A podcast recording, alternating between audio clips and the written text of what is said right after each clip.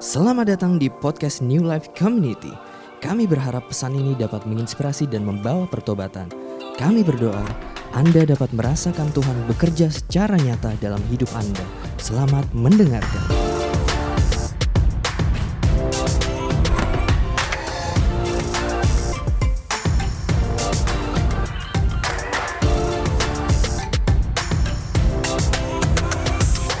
Right, good morning NLC. Jadi di bulan Februari ini tema kita adalah well-being, uh, meaning uh, kesehatan secara emosional. Uh, di bulan lalu kita sudah belajar kesehatan secara rohani, uh, tapi kesehatan kalau kita bicara menjadi orang Kristen yang sehat bukan cuma kesehatan rohani, tapi secara jiwa kita pun perlu uh, untuk menjadi sehat. Kita pun perlu memiliki uh, muscle yang cukup kuat untuk menghadapi hal-hal yang tidak menentu di luar kerohanian. Nah, eh, itu sebabnya di bulan ini secara khusus kita akan bahas banyak mengenai kesehatan emosional.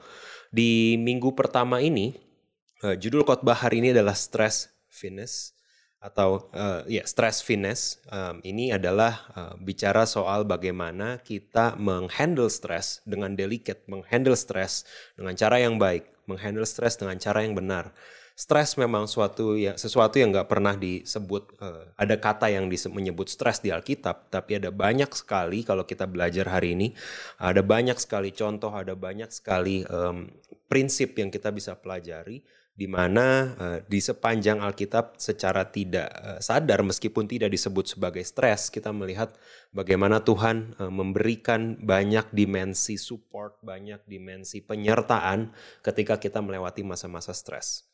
Oke, okay? um, emotional epidemic. Jadi kalau dilihat uh, satu satu artikel yang saya baca menulis bahwa stres itu sifatnya disruptif dan destruktif karena uh, stres lebih banyak orang yang meninggal disebabkan oleh stres dibanding oleh merokok.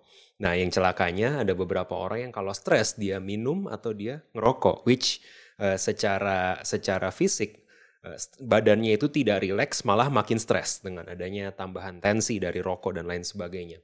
So stres diperkirakan eh, enam uh, kali lebih likely uh, untuk enam uh, kali prediktif secara prediktif enam kali lebih tinggi untuk uh, peningkatan tekanan darah, cancer ataupun uh, penyakit uh, penyakit lainnya. Jadi bisa dibilang bahwa stres ini merupakan salah satu sumber penyakit jika tidak dimanage dengan benar.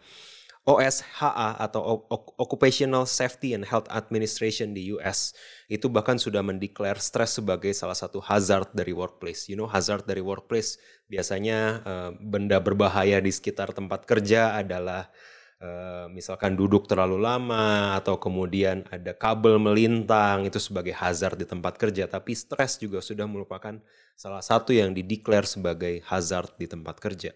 So Uh, saya baca lebih jauh efek dari stres. Saya baca lebih jauh uh, di WebMD ditulis bahwa uh, ketika ketika kita dalam masa-masa stres itu beberapa sistem body system kita less active. Uh, ini termasuk immune system atau digestive system.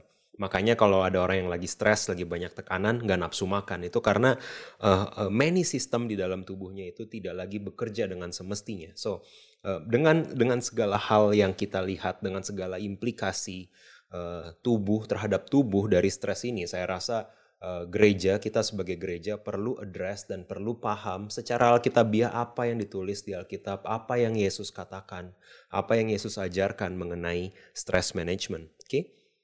Ada beberapa misconception yang yang yang saya mau mulai uh, ketika kita sebagai orang percaya mendengar kata stres. Oh, misconception pertama, stres ini adalah spesifik untuk orang miskin dan orang susah atau orang minoritas. Kalau orang yang kaya, kalau orang yang punya banyak uang, yang penghasilannya banyak, yang nggak kena PHK, lepas dari stres. Ini miskonsepsi yang pertama. Sadar atau nggak sadar, uh, stres ini tidak diskriminatif. Jadi semua season, baik di season baik ataupun di season buruk, uh, baik kaya ataupun miskin, bahkan I, I've, I've lived long enough untuk melihat stres itu tidak spesifik untuk orang miskin saja, bahkan orang yang lebih berada rata-rata lebih stres hidupnya, right?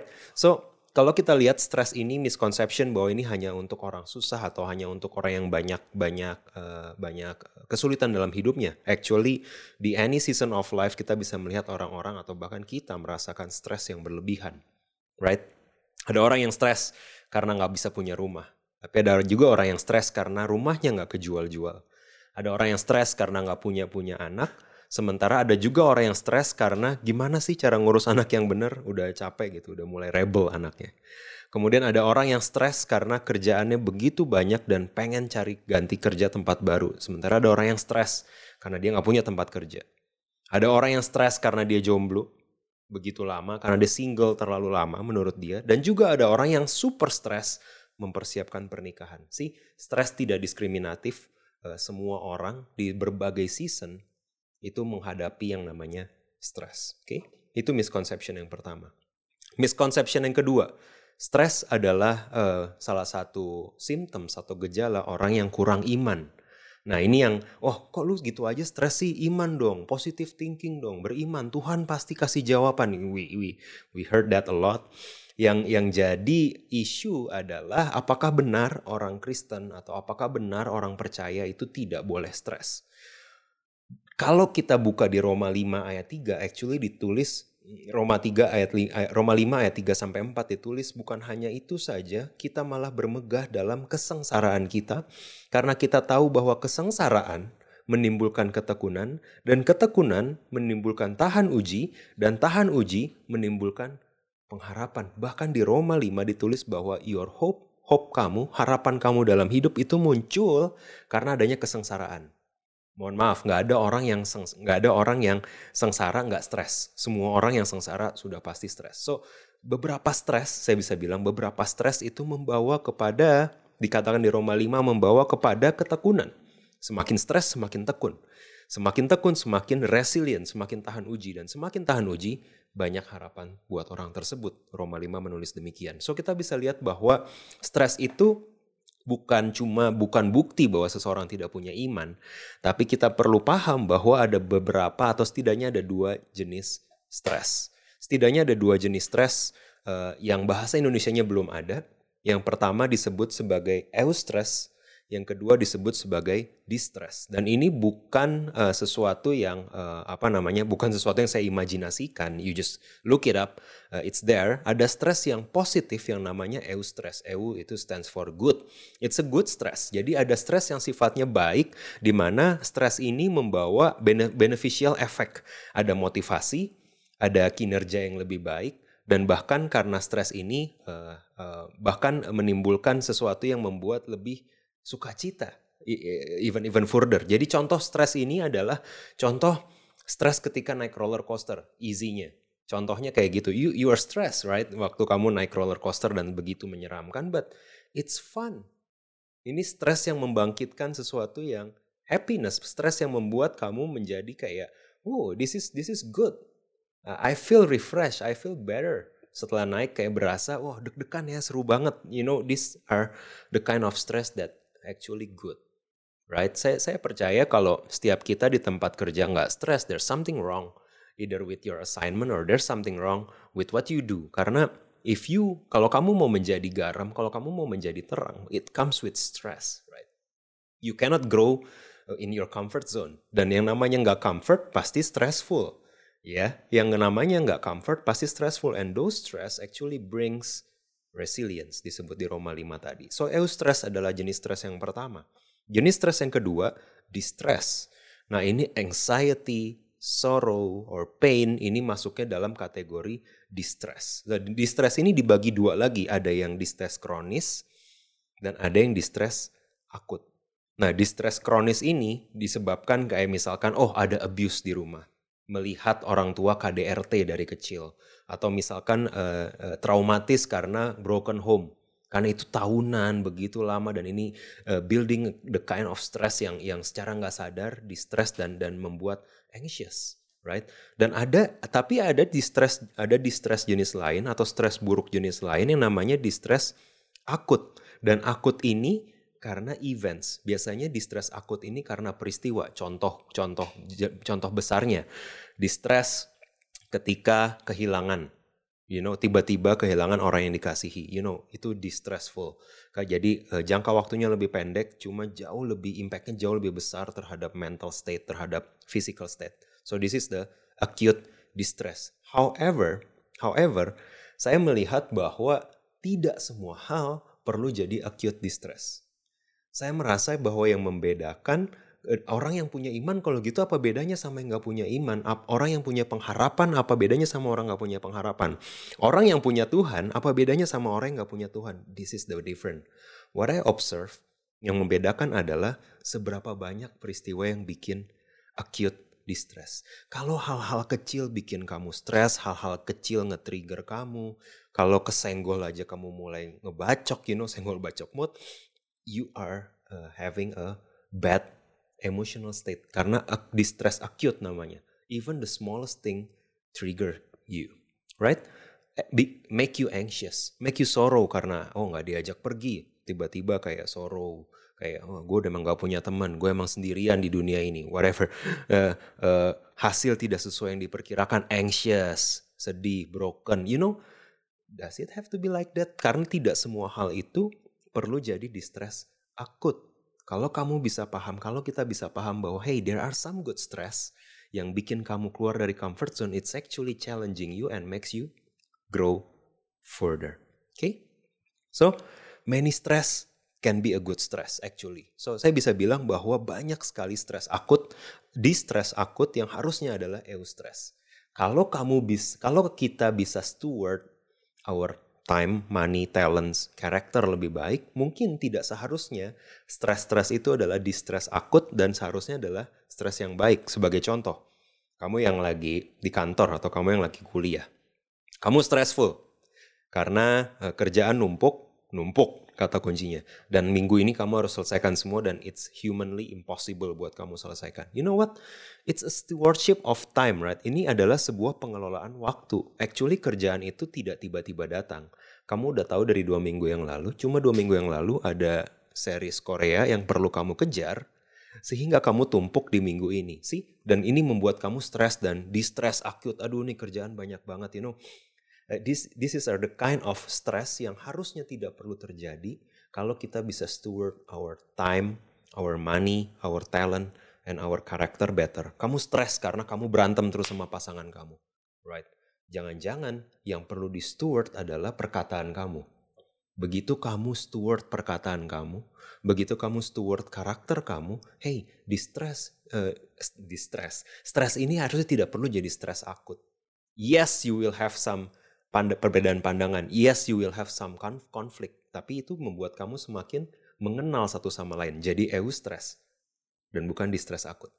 Got it? I hope you get this. Karena tidak semua harus dijadikan distress akut. You need to know ada beberapa it's a good stress that strengthen your bond with your partner. That's a good stress yang membuat kamu belajar lebih banyak. Kamu tahu gap kamu di tempat kerja dan bikin kamu pengen belajar lebih banyak. There's a good stress yang bikin bikin kamu kayak I need to dig the word of God. Aku belum ngerti pas aku dengar firman ini dan aku harus uh, dan aku stres bukan karena aku Uh, aku stres bukan karena aku nggak ngerti-ngerti firman Tuhan, aku stres karena I need to know. Banyak hal yang aku belum paham tentang prinsip kerajaan Allah dan I need to dig it myself. This is a good stress yang disebut sebagai eustress. Oke? Okay? So, ada satu contoh di Alkitab di Perjanjian Lama yang akan kita go through hari ini uh, dan kita akan melihat beberapa pattern yang ada dari cerita yang super stressful ini. Dua Raja-Raja 4 Dua Raja-Raja 4 Ayat yang pertama dikatakan seperti ini. Salah seorang dari istri-istri para nabi mengadukan halnya kepada Elisa sambil berseru, Hambamu, suamiku sudah mati dan engkau ini tahu bahwa hambamu itu takut akan Tuhan. Tetapi sekarang penagih hutang sudah datang untuk mengambil kedua orang anakku menjadi budaknya. So, ada seorang istri yang, you know, uh, dia kalau disebut stres ya, kalau kita stres karena makanan telat datang, kita stres karena ride hailing terlalu lama, kita stres karena refund nggak masuk-masuk, you know, that kind of acute stress. Orang uh, si janda ini beneran acute stress karena satu, suaminya meninggal. Kedua, suaminya breadwinner. Jadi suaminya yang mencukupi segala sesuatu kebutuhan dia dan anak-anaknya. Dan ketiga, punya hutang sehingga penagih hutangnya sudah mulai datang untuk mengambil anaknya menjadi slave. Kedua anak laki-lakinya menjadi budak sampai terbayar hutangnya. So ini adalah situasi di zaman itu di mana dia if you find uh, kalau mau cari contoh orang stressful I believe si janda ini super stressful. Oke okay? dia super stressful. Dan Dan kalau kita bilang bahwa oh kalau kamu sudah percaya Tuhan, kalau kamu yang Tuhan pasti cukupi, Jehovah Jireh dan lain sebagainya, tapi kamu menemui saat-saat tertentu, hey penagih hutangnya sudah datang. You heard Jehovah Jireh, what you see penagih hutang sudah datang. And we think that apakah Tuhan terlambat? Apakah Tuhan don't doesn't care about me anymore? Kalau kalau saya tidak melihat janji Tuhan, pattern pertama yang yang kita perlu lihat adalah waktu Tuhan tidak bisa dipercepat. You are you made you might be stressful over something yang gak berubah-berubah di hidupmu, tapi tahu nggak bahwa waktu Tuhan gak bisa dipercepat. Kita nggak bisa memburu-buru Tuhan atau menggegas Tuhan. Kalau kata teman-temannya Ayub juga sama. Kamu nggak bisa membuat Tuhan lebih bergegas untuk menjawab atau untuk melakukan sesuatu. So, waktu Tuhan tidak bisa dipercepat. Bahayanya banyak dari kita yang kita nggak cukup sabar, nggak cukup patience untuk menunggu timingnya Tuhan. Kita tabrak kanan, tabrak kiri, kita make janjinya Tuhan lebih cepat. Oke Tuhan, kalau Tuhan agak agak lama, let me find find it myself. Let me find the solution myself. Kalau Tuhan nggak bisa bantu, fine, I'll do, I'll help myself. This is exactly yang dilakukan oleh Abraham right? Ketika dia mendengar janji Tuhan dan dia stressful karena dia sudah sangat tua, istrinya sudah sangat tua, dan dia sangat stressful karena janji Tuhan sebanyak bintang di langit, satu pun gak ada. Karena dia stres, dia mencoba membantu Tuhan, mempercepat waktunya Tuhan, dan we know what happens, right? Hagar and Ismail happen, right?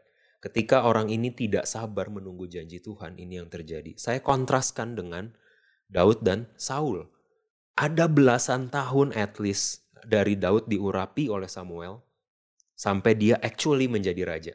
Itu pun karena Saulnya bunuh diri. Dan ada beberapa kesempatan dia bisa membunuh Saul dan orang-orang di sekitarnya udah bilang, hey this is it, this is it man. Tuhan udah ngasih Saul ke tangan lu, bunuh. Saul lagi pup ya di samping dia. You know yang dia lakukan adalah, hey ini orang yang diurapi aku tidak akan menjamah kata Daud. Dia tidak memburu-buru janjinya Tuhan. Dia tidak menggegas-gegas, menggegas-gegas waktunya Tuhan. Yang terjadi sama kita adalah kita tahu janji Tuhan, kita mau janji Tuhan terjadi, but we do not have the patience dan ini membuat kita stressful. Kita coba cara lain, coba coba coba shortcut kanan, shortcut kiri yang terjadi adalah Hagar dan Ismail. So, I hope You got this. This is the first pattern. Waktu Tuhan tidak bisa dipercepat. Dua Raja-Raja 4 ayat yang berikutnya berkata demikian. Jawab Elisa kepadanya, Apakah yang dapat kuperbuat bagimu? Beritahukanlah kepadaku apa-apa yang kau punya di rumah. Well, si janda ini udah bilang, gue udah bilang gue miskin. Terus gue ditagi, lu masih nanya, di rumah ada apa? Enggak ada apa-apa, obviously. Kalau ada, gue gak datang ke lu, Elisa, hello gitu. Mungkin janda ini akan ngomong kayak gitu. Tapi perempuan ini bilang, hambamu ini nggak punya sesuatu apa pun di rumah kecuali buli-buli berisi minyak. Interesting. Waktu janda ini datang ke Elisa dan bilang bahwa ada penagih hutang, bahwa dia ada di situasi yang begitu berat, yang Elisa tanya adalah apa yang kau punya di rumah. Interesting. As if Elisa tahu bahwa jalan keluar untuk janda ini sudah ada di rumahnya. I hope you get it. Jalan keluar untuk stresnya janda ini sudah ada di rumahnya. You know what? Seringkali waktu kita stres, apa yang kita butuh bukan sesuatu yang kita belum dapatkan. Apa yang kita butuh untuk keluar dari situasi tersebut sudah Tuhan berikan ke kamu dan saya. Anointingnya sudah diberikan. Berkatnya sudah diberikan modalnya udah Tuhan berikan, waktunya udah Tuhan berikan, talentnya udah Tuhan berikan. So it is the same question yang ditanya Elisa adalah apa yang kamu punya di rumah? What do you have in your house? So kadang-kadang kita meremehkan apa yang kita sudah punya. Kita meremehkan apa yang Tuhan sudah perlengkapi kita uh, with Tuhan sudah memperlengkapi kita dengan berbagai hal. Tuhan sudah me, menuntun kita lewat experience-experience kita, lewat lewat pembelajaran kita dan kita stressful dan Tuhan bilang, "Hey, what you need is already in your house, sudah ada di rumahmu." Couldn't it could it be that you don't know what's in you? Jangan-jangan kita nggak tahu di rumah kita ada apa. Kita terlalu stres dengan kerjaan kita lupa bahwa apa yang kita butuhkan untuk get to the next level sudah diberikan Tuhan buat kita. Oil bicara anointing. Dan kalau oil dan anointing selalu bicara Holy Spirit. Right? So Holy Spirit. Oke, okay, tapi Tuhan kasih gue apa? Dibanding temen gue, gue gak punya apa-apa. Good question because he left something that is actually everything himself. Right? Dia memberikan rohnya, katanya, aku akan pergi sebentar lagi, kata Yesus di Yohanes 14 dan 15, tapi rohku akan kuberikan padamu. So, roh kudus yang ada di kamu dan saya, itu minyak yang ada di rumah. Dan sering kali kita abaikan, bukan? Kita berpikir bahwa, oh jalan keluar adalah roti lebih banyak, penghasilan lebih besar, rumah yang lebih besar, kalau saya pindah rumah, kalau saya punya mobil baru, kalau saya punya penghasilan baru, kalau posisi saya baru, saya akan tidak stres lagi. You know what? Kalau belajar dari janda ini, apa yang kamu punya? Minyak. Well, Roh Kudus sudah diberikan ke kamu dan saya. So, technically you and me we have everything that we need to sustain in faith. To live our life according to God's will. Kita sudah punya semua yang kita butuhkan melalui Roh Kudus dalam kamu dan saya. Right? So, could it be that God doesn't have to give you something new? For you to do something different. Tuhan gak perlu kasih kamu sesuatu yang baru untuk kamu bawa sebuah perubahan di keluarga kamu. Tuhan gak perlu kasih kamu sesuatu yang baru untuk kamu bawa perubahan di kantor kamu. Could it be that it's already in you? Cuma kamu gak, cuma kita terlalu sering mengabaikan. It's all that we need, the oil, right? Roh Kudus. So ini adalah sebuah pattern yang saya lihat ada di uh, banyak cerita Alkitab. Pattern kedua adalah Tuhan sering kali memakai apa yang kita sudah miliki. Sama of udah kepikiran contoh lainnya, right? Musa cuma bawa tongkat, cukup dengan tongkat. Ya, ke Firaun, ngadu tongkat jadi ular, ngelewatin 10 tulah, membelah laut merah. E, everything is cukup dengan apa yang dia punya, tongkat. Daud dia coba dengan uh, dia coba dengan isi rumahnya orang lain. Dia coba, oh if I uh, mungkin kita berpikir if I have that, I will be able to do things differently. Daud, for example, dia dikasih armor yang paling keren yang punya Saul, punya raja, obviously paling keren. Dan ketika dia dikasih dia malah nggak bisa ngapa-ngapain dan dia bilang, hey I don't need this. Dan dia pakai apa yang dia punya, sling yang dia punya, batu yang dia cari sendirian, it's enough right? Seringkali kita berpikir bahwa oh, if I have that, if I have that anointing, kalau saya punya talenta itu, kalau saya punya kepintaran kayak dia, kalau saya punya uh, kalau saya punya uh, modal kayak dia, kalau saya punya ijazah kayak dia, maka I can do things differently. Well, well, what we learn from the Bible adalah Tuhan pakai apa yang kita sudah punya. So look within you. Apa yang Tuhan sudah punya, tapi nggak pernah kita steward, apa yang Tuhan sudah punya tapi kita kubur. Right? Oke? Okay? Itu adalah pattern kedua. Kalau kita lanjut di dua Raja-Raja 4 ayat yang ketiga. Lalu berkatalah Elisa, Pergilah mintalah bejana-bejana dari luar, daripada segala tetanggamu bejana-bejana kosong, tetapi jangan terlalu sedikit. Kemudian masuklah, tutup pintu sesudah engkau dan anak-anakmu masuk, lalu tuanglah minyak itu ke dalam segala bejana, mana yang penuh, angkatlah. Pergilah perempuan itu daripadanya, no question ask dari perempuan ini. Ditutupnya pintu sesudah ia dan anak-anaknya masuk dan anak-anaknya mendekatkan bejana-bejana kepadanya sedang ia terus menuang. Berikutnya, ketika bejana-bejana itu sudah penuh, berkatalah perempuan itu kepada anaknya, dekatkanlah kepadaku sebuah bejana lagi. Tetapi jawabnya kepada ibunya, tidak ada lagi bejana. Lalu berhentilah minyak itu mengalir. Kemudian pergilah perempuan itu memberitahukan kepada abdi Allah dan orang ini berkata, pergilah Jualah minyak itu, bayar hutangmu, dan hiduplah dari lebihnya engkau serta anak-anakmu.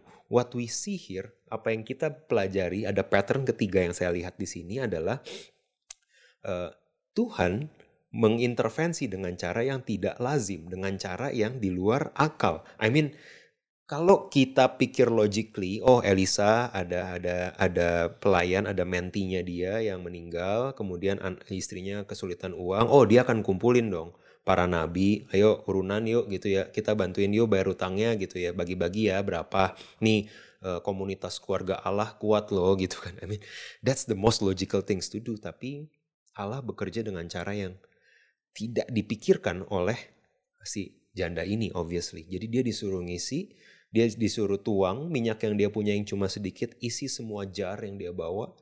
Dan ketika dia melakukan dengan obedience, mujizatnya terjadi. Right? Meskipun di luar akal sehat dia. I hope you see bahwa this is the third pattern. Tuhan mengintervensi bukan melalui mujizat. I would say Tuhan mengintervensi bukan melalui mujizat. Kalau Tuhan mengintervensi melalui mujizat saja, maka tiba-tiba tutup pintu, maka uh, uang akan mengalir dari dari atap rumahmu. You know, that's miracle. But no. Miracle happen. It starts from obedience. Ketika janda ini without question ask melakukan apa yang Tuhan suruh, Tuhan mengintervensi kondisi dia. So I think ini pattern yang ada di mana-mana di Alkitab. Right? Ketika Musa terjebak dikejar sama bangsa Mesir dan belakangnya laut. I mean, paling logical adalah bendera putih, surrender, oke okay, kita balik lagi, ampun bos, kita balik, amin. Atau dia mau menyelamatkan, atau kita perang sampai mati. No, tapi yang gak masuk akal, pukul dan terbelah lautnya. Who can think of that? Right? Gideon. Di mana dia lawan orang Midian yang jumlahnya ratusan ribu, dia udah cuma punya dikit. Eh, I mean, kalau kalau pahlawannya dia itu aja sekuat uh, kalau pahlawannya dia aja jago berantem, tetap it's satu lawan sepuluh atau satu lawan seratus bahkan. Even more. Yang dilakukan Tuhan terhadap Gideon yang buat dia, yang Tuhan minta dari ketaatannya adalah pangkas jumlah pasukannya. Uh, sorry, apa nggak nggak nggak kurang Tuhan segini gitu ya.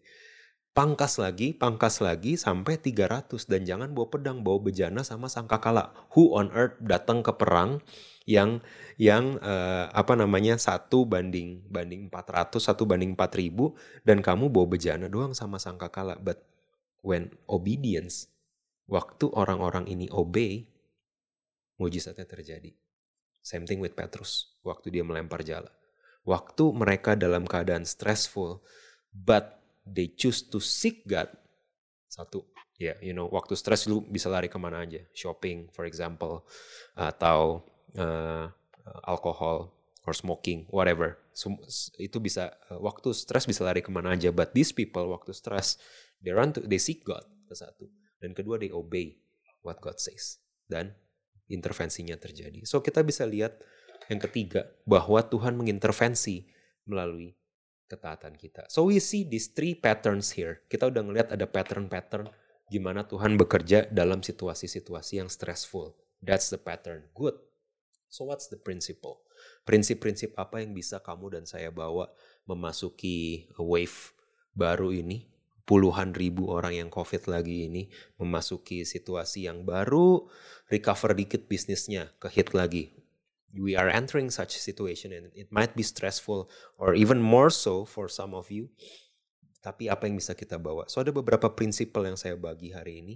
Hopefully this can, uh, you can take this, run with this, meditate on it, dan menjadikan ini penguatan. Kesatu, Tuhan memberikan damai sejahtera. Filipi 6 berkata, don't be anxious. It's being called out. Janganlah hendaknya kamu khawatir tentang apa pun juga. Mau di stress, mau uh, stres, jangan khawatir tentang apa pun juga. Akut, apa kronis, jangan khawatir. Aduh, kalau cuma kehilangan orang kayak ya sedih tiga bulan, enam bulan, fine. Ini tinggal serumah, stres sumber stresnya tuh ada di rumah. Gimana dong?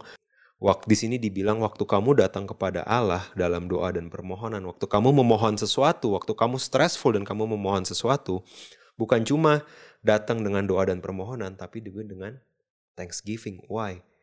Because Paul understand, waktu kamu datang dengan petition, waktu kamu datang dengan permohonan, Tuhan sudah tahu dan sudah sedang mengerjakan sesuatu.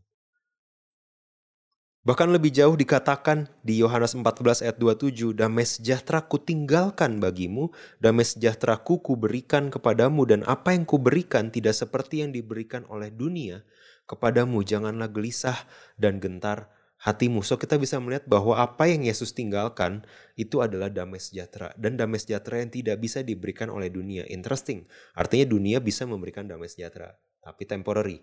Isn't that true? Kamu merasa damai sejahtera ketika masalahmu terjawab. Kamu merasa damai sejahtera ketika kamu pindah season. Kamu merasa damai sejahtera waktu kamu dapat promosi. But does that last? Biasanya tidak bertahan lama. Betul? Karena Yesus tahu dan Yesus bilang, yang damai sejahtera yang kuberikan tidak seperti yang diberikan dunia kepadamu. So, jangan gelisah dan gentar hatimu.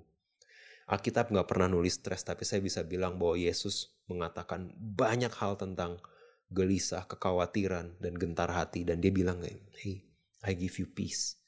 So, prinsip yang pertama adalah stres tidak dapat dihindari, tetapi damai sejahtera yang Tuhan berikan tidak dapat tergoyahkan. You can, it, stress is unavoidable. Kamu nggak bisa hindari stres di kerjaan, di hubungan, di keluarga. It cannot be. Kamu nggak bisa. There's no way untuk kita selama masih hidup untuk menghindari stres. But what what we need to know, what we need to relearn dan remind ourselves adalah damai sejahtera yang Tuhan berikan tidak tergoyahkan meskipun hal yang bikin kamu stres tidak berubah. Oke? Okay? Next, Tuhan kita adalah Tuhan yang penuh dengan belas kasihan. Sepanjang Injil ditulis berkali-kali Matius 14 ayat 14 ketika dia Yesus melihat orang banyak tergerak hatinya oleh belas kasihan. Kenapa kita nggak perlu stres karena Tuhan kita adalah Tuhan yang penuh dengan belas kasihan. Dia adalah Tuhan yang 100% manusia, dia adalah Tuhan yang simpatetik sama kita. Matius 9 ayat 36, tergeraklah hati Yesus oleh belas kasihan.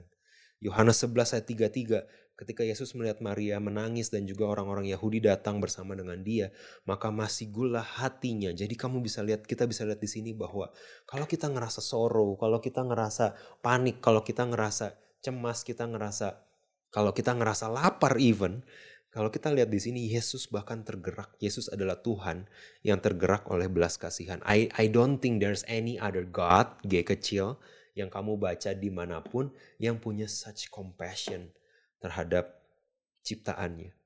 Right? Dia bukan yang duduk di atas kemudian nunggu, hmm, hmm, dosa nih, dosa, dosa kan, dosa kan. Enggak, dia dia bukan Tuhan yang kayak gitu. Dia Tuhan yang penuh dengan belas kasihan.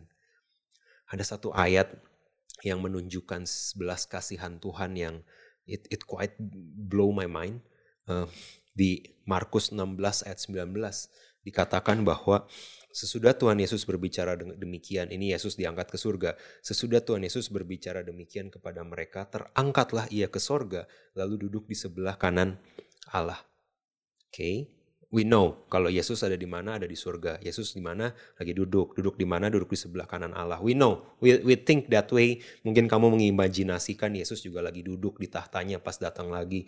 Whichever uh, uh, paintings yang kita lihat itu Yesus lagi duduk dan dia sudah selesai tugasnya dia duduk di sebelah kanan Allah Bapa. That's it. Dia cuma lagi nonton kita. Is that true? Karena di kisah Rasul 7 ayat 55 ada Stefanus martir. Stefanus yang dirajam karena dia berpegang pada imannya pada Kristus dan literal chill. Stefanus yang penuh dengan Roh Kudus waktu dia udah mau mati ya dirajam menatap ke langit, lalu melihat kemuliaan Allah dan Yesus. What? Sorry, what? Yesus berdiri di sebelah kanan Allah. Lalu katanya, sungguh aku melihat langit terbuka dan anak manusia berdiri di sebelah kanan Allah. Can you imagine this God yang gak cuma duduk-duduk doang. Dia bahkan stand on his feet waktu lihat Stefanus. so, kita punya Yesus yang nangis waktu lu nangis, kita punya Yesus yang yang stres. Waktu lu stres bisa ngerti stresnya lu. Kita punya Yesus yang ngerti anxiety-nya lu. Kita punya Yesus yang ngerti ketakutan lu dan gua. Kita punya Yesus yang been there done that dan sudah melihat dan sudah mengalami dan bisa bersimpati with us. Ini sini dibilang bahwa, hey Stefanus, I, I don't know whether Yesus lagi nangis atau enggak, tapi Yesus berdiri. Dia nggak lagi duduk waktu lihat Stefanus dirajam. Crazy stuff. This is the kind of God yang gak ada lagi yang lain. I don't think there's any other God yang begitu powerful at the same time is full of love. So prinsipal kedua, Yesus turut merasakan kekhawatiran, kegalauan, dan keputusasaan kita. Kalaupun belum ada jawabannya, it's the best for you. Roma 8 ayat 28. Tuhan turut bekerja dalam segala hal mendatangkan kebaikan buat mereka yang mengasihi, dia meskipun mereka sedang galau, meskipun mereka sedang anxious, meskipun mereka despair, putus asa, meskipun mereka lagi berduka, Allah turut bekerja dalam segala hal. Mendatangkan kebaikan. Dia bukan cuma merasakan I feel you, dia bukan cuma bilang I feel you, my son, my daughter, dia bukan cuma bilang I feel you, dia turut bekerja dalam segala hal. So this is the second principle yang gila banget. Dan yang ketiga, Kenapa kita nggak perlu stres? Karena Tuhan berdaulat atas ciptaannya. Everything that you see on this side, you know, if you been with NLC last year, you know Tuhan kita God of space and time. Sehingga segala sesuatu yang ada di dimensi space and time ini adalah ciptaan Tuhan. Betul? Sebelum Big Bang, there's nothing. Kemudian dengan Big Bang, ada space, ada time baru terjadi dan everything yang ada adalah ciptaan Tuhan. Dan Tuhan punya otoritas dan daulat penuh atas semua ciptaannya. That's why we don't need to be stress berkepanjangan. Why? Why? Kalau kita lihat beberapa ayat, kalau kita lihat di Alkitab, hey, Tuhan itu adalah Tuhan atas semua ciptaannya. He has the final say. He can override, he can overrule. Tahu bola, kalau kamu ngikutin sepak bola, ada ada video ada VAR dan VAR itu biasanya mengoverrule keputusan wasit. Kalau wasit udah bilang offside ketika dilihat oleh VAR tidak offside, maka tidak offside. Selalu VAR adalah overrule apa yang diputuskan oleh manusia yang terbatas karena dia dengan teknologi dan lain sebagainya bisa ngelihat beneran offside atau enggak whichever if you know football if you know soccer you will know this tapi you know that God is the ultimate VAR dia bisa overrule waktu dunia bilang kamu orang yang gagal, waktu dunia bilang penyakit kamu nggak bisa sembuh, waktu dunia bilang situasi kamu nggak berubah, waktu dunia bilang kamu terlalu bego untuk achieve anything, he can overrule anything. You know that he has the final say over your life and mine. Right? Yunus 2 ayat 1. Berdoalah Yunus kepada Tuhan dari dalam perut ikan itu. Fine. Dia berdoa cari Tuhan, seek God. Ingat ya tadi, seek God. Dia juga seek God. Karena dia nggak bisa seek yang lain. Dia udah seek kapal ke Tarsis tapi nggak berhasil. Dia seek God di dalam perut ikan. Berdoa Yunus kepada Tuhan. Interesting ya. Tuhan nggak perlu bicara balik sama Yunus. Kalau kamu baca di ayat 10, berfirmanlah Tuhan kepada ikan. So you know, Yunus berdoa kepada Tuhan, dia berharap mungkin Tuhan ngejawab dia, memberikan dia solusi dan jalan keluar, but no. Karena ikan itu ciptaan Tuhan. So Tuhan bisa ngomong sama ikan gak perlu ngejawab dia lagi. What? Tuhan bisa mic drop dan bilang sama ikan, udah, udah cukup muntahin dia ke darat. Dan Yunus keluar dari perut ikan. So you know, everything on this side adalah ciptaan Tuhan dan segala sesuatu tunduk sama perkataan Tuhan, termasuk tembok Yeriko, termasuk laut yang terbelah, termasuk danau Galilea yang lagi ombaknya besar dan hampir membunuh kedua belas murid, you know what? Even those things bisa di overrule sama Tuhan. Apalagi cuma bos lu yang sentimen, sorry ya. Apalagi cuma keluarga lu yang nyebelin, sorry. Apalagi cuma pasangan lu yang ngegas-ngegas, sorry. Kalau yang gunung aja bisa dipindahkan, kata Yesus, isn't it easier kalau organik, kalau orang lain itu dibikin Tuhan ubah, it's it's easy. So we don't need to be stressful karena Tuhan berdaulat atas everything that you see here, around here. Your financial situation included, your family state included, your um, uh, apa namanya, your career included, pelayananmu included. Tuhan berdaulat atas everything, even the virus in you, the virus in your family, the microbe, the, the bacteria in your family, is all of those things bisa di overrule sama Tuhan. Isn't isn't that great? I mean, he can speak to fish. He can do that. I think, right? So prinsip ketiga saya tutup dengan hanya karena kita nggak mendengar jawaban Tuhan, bukan berarti Tuhan nggak sedang bekerja mengubah situasi kamu dan saya. Tuhan mungkin lagi ngomong sama situasi kamu. Tuhan lagi ngomong sama gunung kamu buat pindah. Tuhan lagi ngomong sama danau kamu biar nggak lagi biar badainya reda. But you maybe you don't hear it. Maybe you don't maybe you expect an answer and you don't get it. But guess what?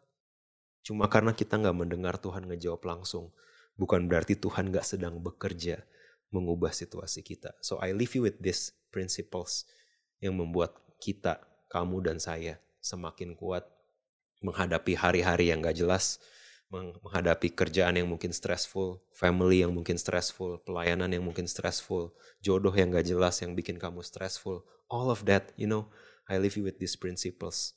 Tuhan ada dan Tuhan sovereign dan Tuhan sympathize with you dan Tuhan is the God of all creation. Okay? Let's pray. Terima kasih sudah mendengarkan podcast ini. Kami berdoa Anda diberkati melalui pesan yang telah disampaikan. Mari sapa kami melalui Instagram @newlifec dan bagikan pesan ini supaya lebih banyak orang yang diberkati.